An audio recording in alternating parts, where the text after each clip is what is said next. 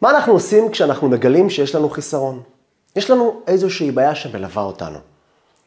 ובינינו, למי אין?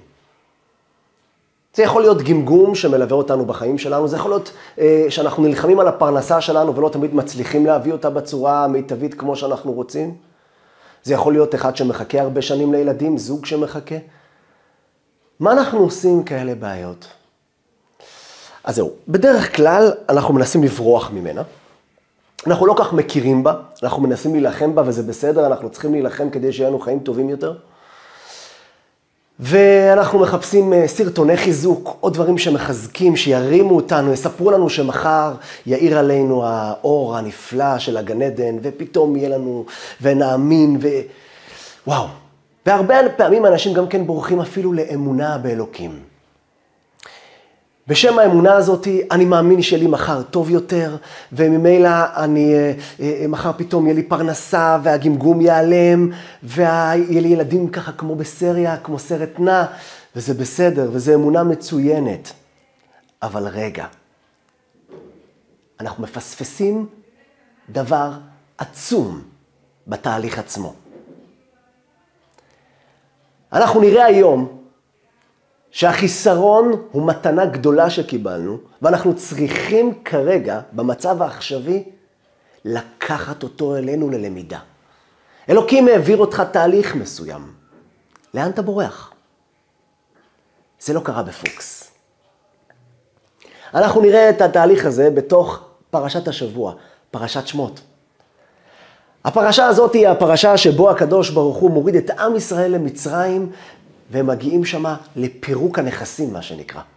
עם ישראל עובר גלות קשה ונוראה 210 שנה. אנחנו ננסה להבין למה. מה הם עשו? מה הם עשו כדי להיכנס למקום כזה נמוך, כל כך נמוך? ומה שהם עשו גרם להם לצאת.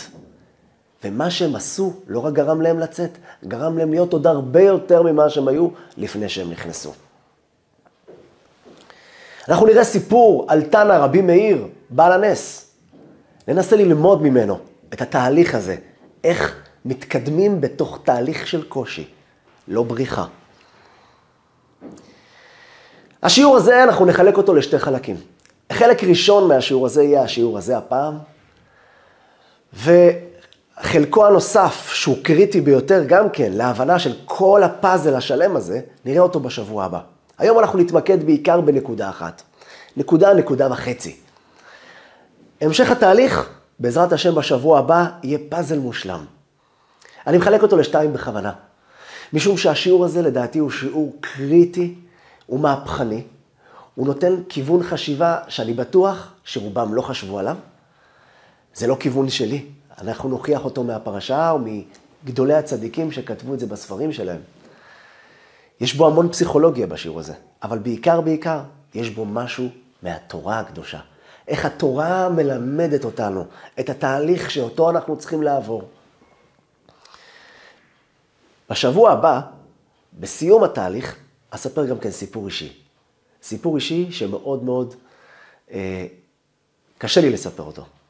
אבל הסיפור הזה ימחיש את כל הפאזל כולו בשלמותו, כולל את השיעור הזה של היום. אז נצלול לפרשה. פרשה שלנו, פרשת שמות, התורה מספרת לנו, מתארת באריכות את כל הסבל שאומה שלמה, עם ישראל, נוחת לתוך ג'ורה גדולה, בור גדול של 210 שנה. עבודת פרך, ילדים מתים, נשחטים, נטבחים. אה, משפחות שלמות מתפרקות. מצד השני, אנחנו רואים גם כן אה, את החסד שבתוכו, שישה ילדים בכרס אחת, עם ישראל גודל, פרה. איך אומרים? מצד אחד הולכים, מצד שני גם באים, אבל בסוף בסוף תהליך מאוד מאוד קשה. המצרים עובדים בעם ישראל עבודת פרך, עבודה קשה שמפרכת את העצמות. במשך 210 שנה עם ישראל כמעט איבדו את כל עצמיותם. הם היו עבדים, עבדים עבדים. זה אומר בלי טיפת עצמאות, לכאורה. למעט שבט לוי, שהם לא היו משועבדים בשעבוד מצרים. והתהליך שהם עברו היה מאוד מאוד קשה. בסופו של דבר, אנחנו רואים כבר בסוף הפרשה הזאת ובתחילת פרשה הבאה, אנחנו כבר מתחילים לראות שאלוקים מתגלה למשה, משה רבינו נולד בפרשה שלנו, ומתחיל איזשהו תהליך, תהליך ארוך שבסופו אנחנו יוצאים ממצרים. השאלה שאנחנו רוצים להתבונן בה, בשבילנו בעיקר, בחיים שלנו, למה ירדנו בכלל למצרים? מה עשינו רע למישהו שירדו למצרים? מי ירד למצרים? חבר'ה, ירדו לשם יעקב אבינו, בניו הקדושים. הבנים שלו היו השבטים הקדושים. אנשים הכי טובים, הכי נפלאים. הם ירדו למצרים. למה? תבינו, ירידת מצרים היה כחלק מההבטחה שהקדוש ברוך הוא הבטיח לאברהם אבינו בתור ברית בין הבתרים. הקדוש ברוך הוא כרת ברית עם אברהם. הקדוש ברוך הוא כל כך אהב אותו, אמר לו, אני רוצה לקרות איתך ברית, איתך ועם בניך. בזמן כריתת הברית של האהבה הזאת, הקדוש ברוך הוא מבטיח לו, כי גר יהיה זרעך בארץ לא להם, ועבדום, ועינו אותם ארבע מאות שנה. המצרים הולכים לפרק את האומה שלך. זה בשורה זה? מה הבשורה פה? זה אהבה, זה כריתת ברית. אתה הולך לפרק אותי? למה? ועם ישראל ירד לשם, עבר תהליך ארוך, שבסופו הוא נהפך לעם, ובסופו הוא מקבל את התורה, ובסופו, בסופו, הוא נכנס גם לארץ ישראל. בית המקדש, כל התהליך הנפלא שקרה אחר כך. למה זה צריך לעבור דרך מצרים? קח אותי, קח את אברהם, קח את יעקב את בניו, ונעלם את בית המקדש, הם כבר היו בארץ ישראל. אתה מוריד אותם למצרים, מעביר אותם תהליך ארוך, מתיש וקשה, ורק בסופו אתה נותן להם את האור העצום הזה והגדול הזה. אז בואו נראה. בשיעור הזה אנחנו לא ניגע בכל התשובות לשאלות האלה, אמרנו בשיעור הבא אנחנו ניתן את המשך התהליך, אבל אנחנו ניגע בתהליך אחד. בנקודה הראשונה והמרכזית שהיא קריטית, קריטית ביותר כדי להגיע לשלב הסופי, להגיע לשלב האחרון. תראו, כמו שאמרנו בתחילת השיעור, בתחילת הפתיח, רובם בורחים מהחסרונות שלהם. או שמוצאים נקודות כוח בדברים אחרים שהם טובים בהם. יש לו חיסרון למשהו מסוים, אוקיי, אבל בזה אני טוב, בזה אני טוב, זה נקודות הכוח שלי. ומשם הוא לוקח את הכוחות לחיים שלו, וזה בסדר דרך אגב, אף אחד לא אמר שלא. והיום כמעט כל הפסיכולוגיה, או הסרטונים ברשת, או האנשים שמדברים איתך, מנסים לפתח לך את הנקודות הטובות שיש בך. תשמע, אבל בזה אתה טוב, בוא תתמקד בזה. אבל אם נשים לב לדבר מאוד מעניין, תראו, עוד לא נולד האדם המושלם. אלוקים הרי ברא את האנשים. גם משה רבינו היה מגמגם. אין אדם מושלם גם בגשמיות וגם ברוחניות פרפקט פרפקט. אין דבר כזה. לא משנה מי אתה. אין צדיק בארץ אשר יעשה טוב ולא יחטא. אין, אין דבר כזה. זה לא כאילו יש כאלה, יש כאלה, אין מציאות כזאת. לכל אדם יש לו נפילות, ברוחניות ובגשמות. את הצדיק הכי גדול, יש לו נפילות. שיהיה לכם ברור, אין מציאות כזאת מושלם. גם אדם הראשון, יציר כפיו של בור עולם, החזיק מעמד שלוש שעות. שלוש שעות אחרי שהוא נברא, הוא חטא בחטא עץ הדת. תסתכלו בחומש בראשית, זה נראה לנו כאילו כבר עבר איזה מאה שנה. לא, הוא נולד, תוך שלוש שעות הוא חטא בחטא. תראו, מי שמסתכל ומתבונן, אומר לעצמו, תשמע, אם זה שברא פה, ברא את כולם עם דפקט מובנה, את כולם הוא ברא עם חיסרון, זה אומר שהוא רוצה פה משהו, לאן אתה בורח? התהליך הראשון שאנחנו רוצים ללמוד היום, זה לאן אנחנו בורחים. השם מעביר אותנו תהליך מסוים, אנחנו צריכים לעבור אותו וללמוד ממנו משהו. למה הדבר הראשון שאנחנו פוגשים את החיסרון שלנו זה או הכחשה, או מלחמה, או בריחה? למה? בואו ניקח את החיסרון הזה שיש לנו. נבין אם אלוקים עשה את זה, אם המשנה אומרת, אין אדם עומד על דברי תורה, אלא אם כן נכשל בה. זאת אומרת, הדרך לאברסט זה להתרסק, זה ליפול קצת, זה להיות קצת למטה, להסתובב עם איזה חיסרון שלי. מי שברא אותי ככה, ולא רק אותי, הוא ברא את כל האנושות כך. עוד לא נברא האדם השלם, עוד לא. אין כזה מציאות. כולם מציאות נפסדת. גם האדם הכי מאושר עלי האדמות, יש לו חסרונות. אנחנו לא מדברים על עושר. עושר יכול להיות גם עם חסרונות, אבל כולנו עוברים את התהליך של החיסרון. בינינו, לא רק אחד, לא רק חיסרון אחד. חבילה של חסרונות. לפני שנבין למה אלוקים עשה את זה, איך יוצאים מהפתרון, איך יוצאים מהבעיה הזאת, ואיך אנחנו פותחים לעצמנו דף חדש. קודם כל, עברת פה משהו, לאן אתה הולך? לאן אתה בורח? זה לא יעזור לך, הרי אתה לא בראת את עצמך. הרי אם אתה היית בורא את עצמך, לכאורה היית אומר לעצמך, לא הייתי נושא לעצמי דבר כזה, נכון? אז אתה לא הבוס. יש מישהו שברא אותך, הוא רצה ממך משהו. זה לא יעזור שתברח. יש לך תכלית, מי ששם אותך פה עם החיסרון הזה, עם המציאות הזאת של הגמגום, של הפרנסה של הילדים, של החברה, של כל דבר שהוא, שאתה, יש לך חיסרון ולכולנו יש לא אחד ולא שתיים חסרונות, יש לך תהליך שאתה צריך לעבור עם החיסרון הזה. אז דבר ראשון, הבסיס הראשון, שאני חושב שלא הרבה נוגעים בה, כולם מנסים לברוח, כולם מנסים למצוא מילות חיזוק, וזה בסדר דרך אגב, צריך מילות חיזוק כדי לקבל כוח בתוך החיסרון הזה. אבל הדבר הראשון שאנחנו צריכים לדעת, זה שיש לנו חסרונות. ויש לזה מטרה. ולא לברוח ממנה. הפוך, אם נחטט שם קצת, אנחנו נגלה את הפתרון למה יש לנו אותה. ואז נגיע לשלב הבא. ואז ממנה לעוד שלב. ממנה לשלב היציאה. כן, כן, שלב היציאה. אנחנו נראה את זה, כמו שאמרנו, בשבוע הבא. אבל השבוע אנחנו לא רוצים להתמקד בזה. אנחנו רוצים להתמקד, דבר ראשון, בתהליך עצמו. הקדוש ברוך הוא מוריד את עם ישראל למצרים. עם ישראל יצא ממצרים הרבה יותר מחוזק מלפניו. לפני זה היה יעקב ובניו, נכון. אבל עם ישראל לקח לו הרבה זמן להבין שיש כאן תהליך שהוא צריך לעבור במצרים. עם ישראל הצליח לצאת ממצרים כי הוא קלט שהוא במצרים. עם ישראל הבין את המציאות שלו. הוא הבין, נכון, אני פה, הנה, זה המציאות שלי. אני כרגע עומד מול מצב קשה. ואז הם צעקו, ויצעקו בני ישראל אל האלוקים. ותעל שוועתם אל האלוקים. הם הבינו את המציאות, הם לא ברחו ממנה. הם למדו מהתהליך הזה משהו. לא משנה כרגע מה הם למדו. דבר ראשון, הם לא ברחו ממנה. הם גם לא נכנסו לייאוש. זה גם לא. זה לא כאילו, וואו, אתה דפוק, תשמע, תראה מה יש לך, עזוב, תייאש, תפוס את הכרית עד למעלה. לא, ייאוש לא, אבל גם לא בריחה, גם לא דמיונות על האור שמחכה לי שם, או על הדברים הטובים שיש לי שם. זה נכון, יש לך דברים טובים, וזה בסדר שתתחזק איתם בתור כלי למה שאתה עובר היום. אבל מה שאתה עובר היום, יש לו תכלית. אל תברח ממנו. אל תנסה לומר לעצמך, אה, זה לא נכון, אין לי את החיסרון הזה. יש לך את החיסרון הזה. כל אדם שהולך לרופא, הדבר הראשון זה הכרה בזה שהוא חולה. אם אתה לא מודע בכלל לזה שיש לך, לך משהו, אתה לא תעבור שום תהליך של רפואה. תהליך הרפואה דורש הרבה הבנה של התהליך, הבנה של מה שיש לך עכשיו, ומכאן ואילך בוא ננסה להתקדם. אבל קודם כל, הפנמה. יש לך משהו שאתה צריך לדעת להתמודד איתו, ותתמודד איתו. הגמרא מספרת על רבי מאיר בעל הנס, שיום אחד הוא הגיע ל...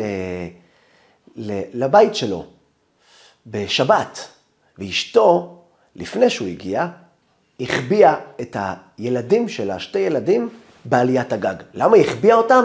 פשוט הם נפטרו.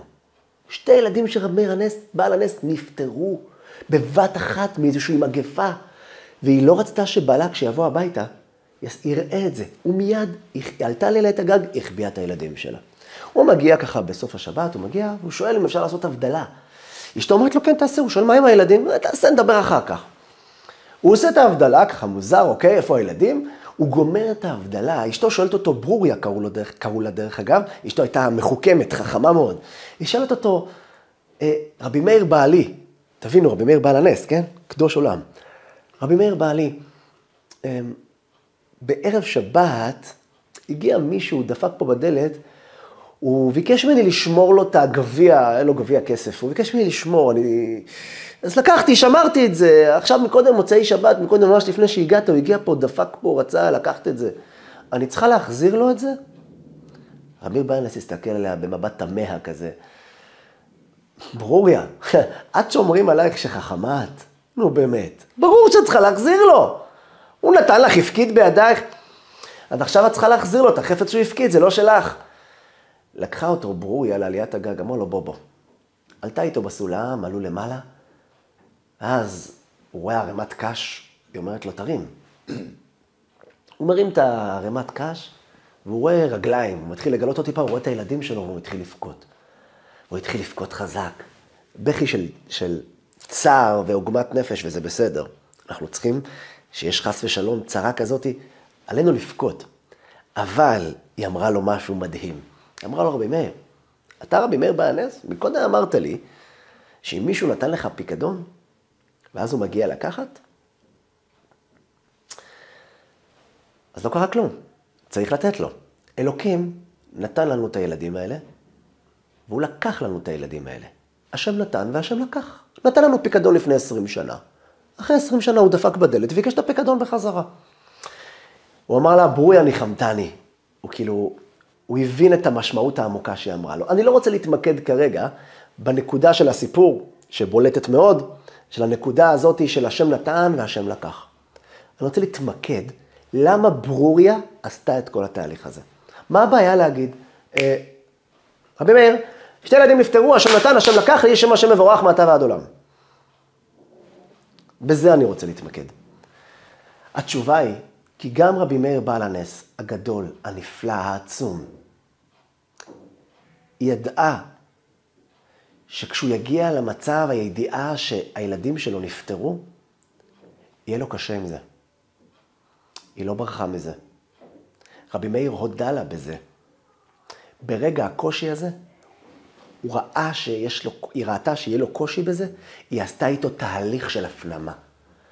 היא לא הגיעה אליו ו...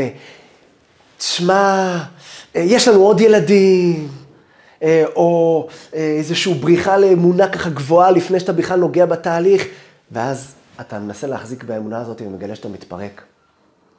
קודם כל הפנמה, יש לך קושי מסוים. בוא נתמודד איתו. בוא לא נברח ממנו. הגמרא מספרת גם כן על רבי עמרם חסידה, קדוש עולם. לא ניכנס כרגע לכל הסיפור, אבל בקצרה, שהיו אה, נשים שעלו אצלו בעליית הגג, ובאמצע הלילה הוא לקח סולם לטפס כדי לעלות אליהם, היה לו מחשבות רעות במחשבה שלו. הוא מחכמי הגמרא. וכשהוא עלה בסולם, הוא צעק פתאום, אש, אש! וכולם הצילו, אש! וכולם הגיעו לראות מה קרה, וכולם ראו אותו באמצע לעלות לגג ולא ראו אש, ואז הבינו מה הוא רצה לעשות. ואז הוא אמר לו, היה לי ברירה, הרגשתי שאני הולך ליפול. הרגשתי שאני הולך ליפול. ולא רציתי ליפול, אז צעקתי אש אש. רבי עמרם חסידה ידע שיש לו בעיה. כרגע. הוא לא ניסה לברוח ממנה. אני כרגע לא, מטפל, לא מדבר על איך הוא יצא ממנה. לא ניכנס לזה. הוא הכיר בבעיה שיש לו. הוא לא ניסה לברוח ממנה. הוא לא ניסה להכחיש אותה, והוא לא ניסה להתייאש ממנה. הוא ניסה לעבור איתה תהליך. לא משנה כרגע איזה תהליך הוא עשה. אבל דבר ראשון, הוא לא ברח. הוא לא החליט, זהו, אין פה כלום. לא, לא, יש כאן משהו. תנסה לעבור איתו. אז אם אתם רואים שכולנו מלאים חסרונות, כולנו ללא יוצא מן הכלל, אין צדיק בארץ אשר יעשה טוב ולא יחטא. עוד לא נולד האדם הזה. דוד המלך, וחטאתי נגדי תמיד. הוא ידע לעבור את התהליך הזה. אז דבר ראשון שאנחנו צריכים לדעת, אם אנחנו רואים שכולם, כולם, כולם, יש להם חסרונות, יש להם בעיות, יש להם תיקים שיושבים עליהם, או בגשמיות או ברוחניות. זה יכול להיות ביופי, זה יכול להיות בשומן, אדם שמן וככה הוא נולד, או שהוא מגמגם, או שיש לו בעיה בכישרון מסוים שהוא לא מצליח להתמודד איתה, או בעיה רפואית שהוא לא מצליח להתמודד איתה. החיסרון הזה שמלווה אותך, ולא תמיד הוא חיסרון אה, אובייקטיבי, לפעמים זה גם משהו שנוצר באמצע החיים. בעיות עם החינוך הילדים שלך, או כל דבר שהוא. אתה סוחב איתך חוסר מושלמות. אם כולנו כאלה, חייב להיות שיש לזה סיבה. לא יכול להיות שהדרך להתמודד איתה זה לברוח. אז למה כולם, למה כולם נולדו ככה? למה לא נולד מבריאת העולם אחד שנראה שהוא המושלם? החלק הזה שמאז שהוא נולד, עד שהוא נפטר, כל מה שהוא נגע בו זהב, כל מה שהוא אמר נכון, וכל מה שהוא עשה פרפקט. למה לא? אם אלוקים לא עשה את זה ככה, יש לו תהליך עמוק שהוא רוצה להעביר אותנו בו. ואת התהליך הזה, אנחנו חייבים לא לברוח ממנו. אנחנו חייבים להבין שיש כאן משהו שאסור לנו לברוח. ואת התהליך הזה, הקדוש ברוך הוא רצה להעביר אותנו כעם ביציאת מצרים. שהקדוש ברוך הוא הכניס את כל האומה הזאת למקום הזה של עבדים, התיק הכי קשה, הכי כואב. 210 שנה של אומה שלמה, לא איש בודד. וכולנו נמצאים בכאלה קשיים. הקדוש ברוך הוא רצה להעביר אותנו תהליך מסוים. חז"ל קוראים לירושלים כור הברזל. כור הברזל זה כואב, זה מתיך את הברזל, זה אש שנלחמת בברזל. אבל יוצרים איתה את הדברים הכי נפלאים. מוציאים ממנה את כל הפסולת. אנחנו צריכים להבין, זה לא עונש. זה שנולדנו עם חיסרון, יש כל אחד רגיל, הרבה פעמים, אנשים בעלי אמונה, דווקא בגלל שמאמינים באלוקים. אתה יודע למה אני עובר את זה? תיקון. אני עובר תיקון, זה התיקון שלי. בגלגול קודם. אתה יודע, גלגול קודם וזה, זה מאוד נחמד לברוח לשם. עשיתי עבירה, אז אני מקבל עכשיו את הבומבה שלי. אני לא אומר שאין דברים כאלה, ודאי שיש. יש דבר כזה גלגולים קודמים, יש דבר כזה גיהנום, יש דבר כזה עונש. אבל חבר'ה, למה אנחנו בורחים לשם דבר ראשון? אם כולנו עוברים את התהליך של החיסרון הזה, זה לא עונש, זה לא גיהנום, זה לא גלגולים קודמים. גם אם האדם הראשון שנולד לפני גלגול, הנשמות חדשות לחלוטין, עוברים את התהליך של החיסרון הזה. כמו שאמרנו, גם משה רבנו הצדיקים הכי גדולים בעולם, או בגשמיות או ברוחניות. כולם חייבים לעבור את זה. זה אומר שזה לא עונש, וזה לא גלגול נשמות, וזה לא תיקון שאתה צריך לעבור. יש כאן תהליך מסוים בשבילך, לחיים שלך. יש כאן משהו עמוק שכדאי לך להקשיב לו. אל תברח מזה. זה החיים שלך. תתבונן, אל תברח מהקשיים האלה. אל תנסה למצוא פתרונות כרגע. חכה עם הפתרונות, אנחנו נמצא. שנייה, לפני הפתרון, הפנמה. יש כאן משהו שאני צריך לעבור. לא דבר ראשון ללכת לכל הפסיכולוגים והפסיכיאטרים והרופאים והפתרונות והעורכי דינים והכול, אה, בוא נעבור את זה בהצלחה. אנחנו נקבל עוד תיק אחר כך. זה מציאות. אנחנו פותרים משהו אחד, נפתח לנו משהו חדש. לא עכשיו עוד חודש, עוד חודשיים, עוד שנה. החיים מלאים את זה.